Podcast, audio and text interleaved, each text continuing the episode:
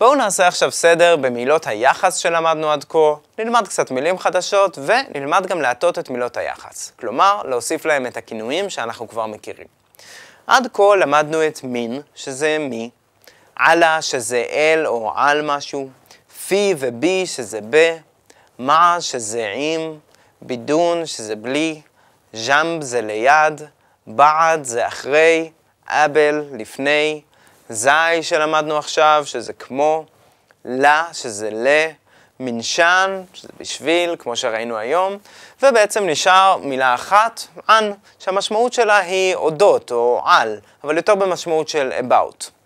בואו נדבר על הנטייה של מילות היחס. כלומר, המילים לפעמים באות לבד, אבל לפעמים גם נוסיף להם כינוי.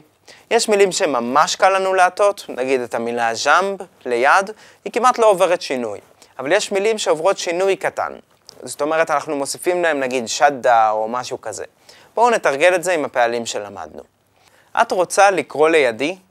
בידק תקראי ז'מבי.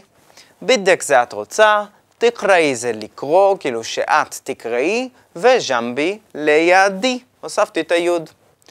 וואלה, אני מדבר עליך הרבה. וואלה, בחקי ענק כתיר. כשהטאתי את המילה ען, הוספתי שדה, ענק. אותו דבר יהיה לנו עם המילה מין. רייחן תאמר, בדי אג'יב מינו לכתב. אני הולך לתאמר, אני רוצה להביא ממנו את הספר. או בידק תלעבי מענה, את רוצה לשחק איתנו? בידק זה את רוצה, תלעבי זה תשחקי, כלומר רוצה לשחק, ומענה איתנו.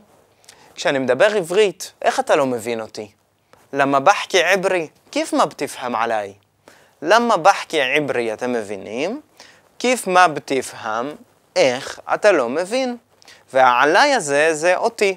עלה הפך לעלי, ממש דומה לעברית, עלי.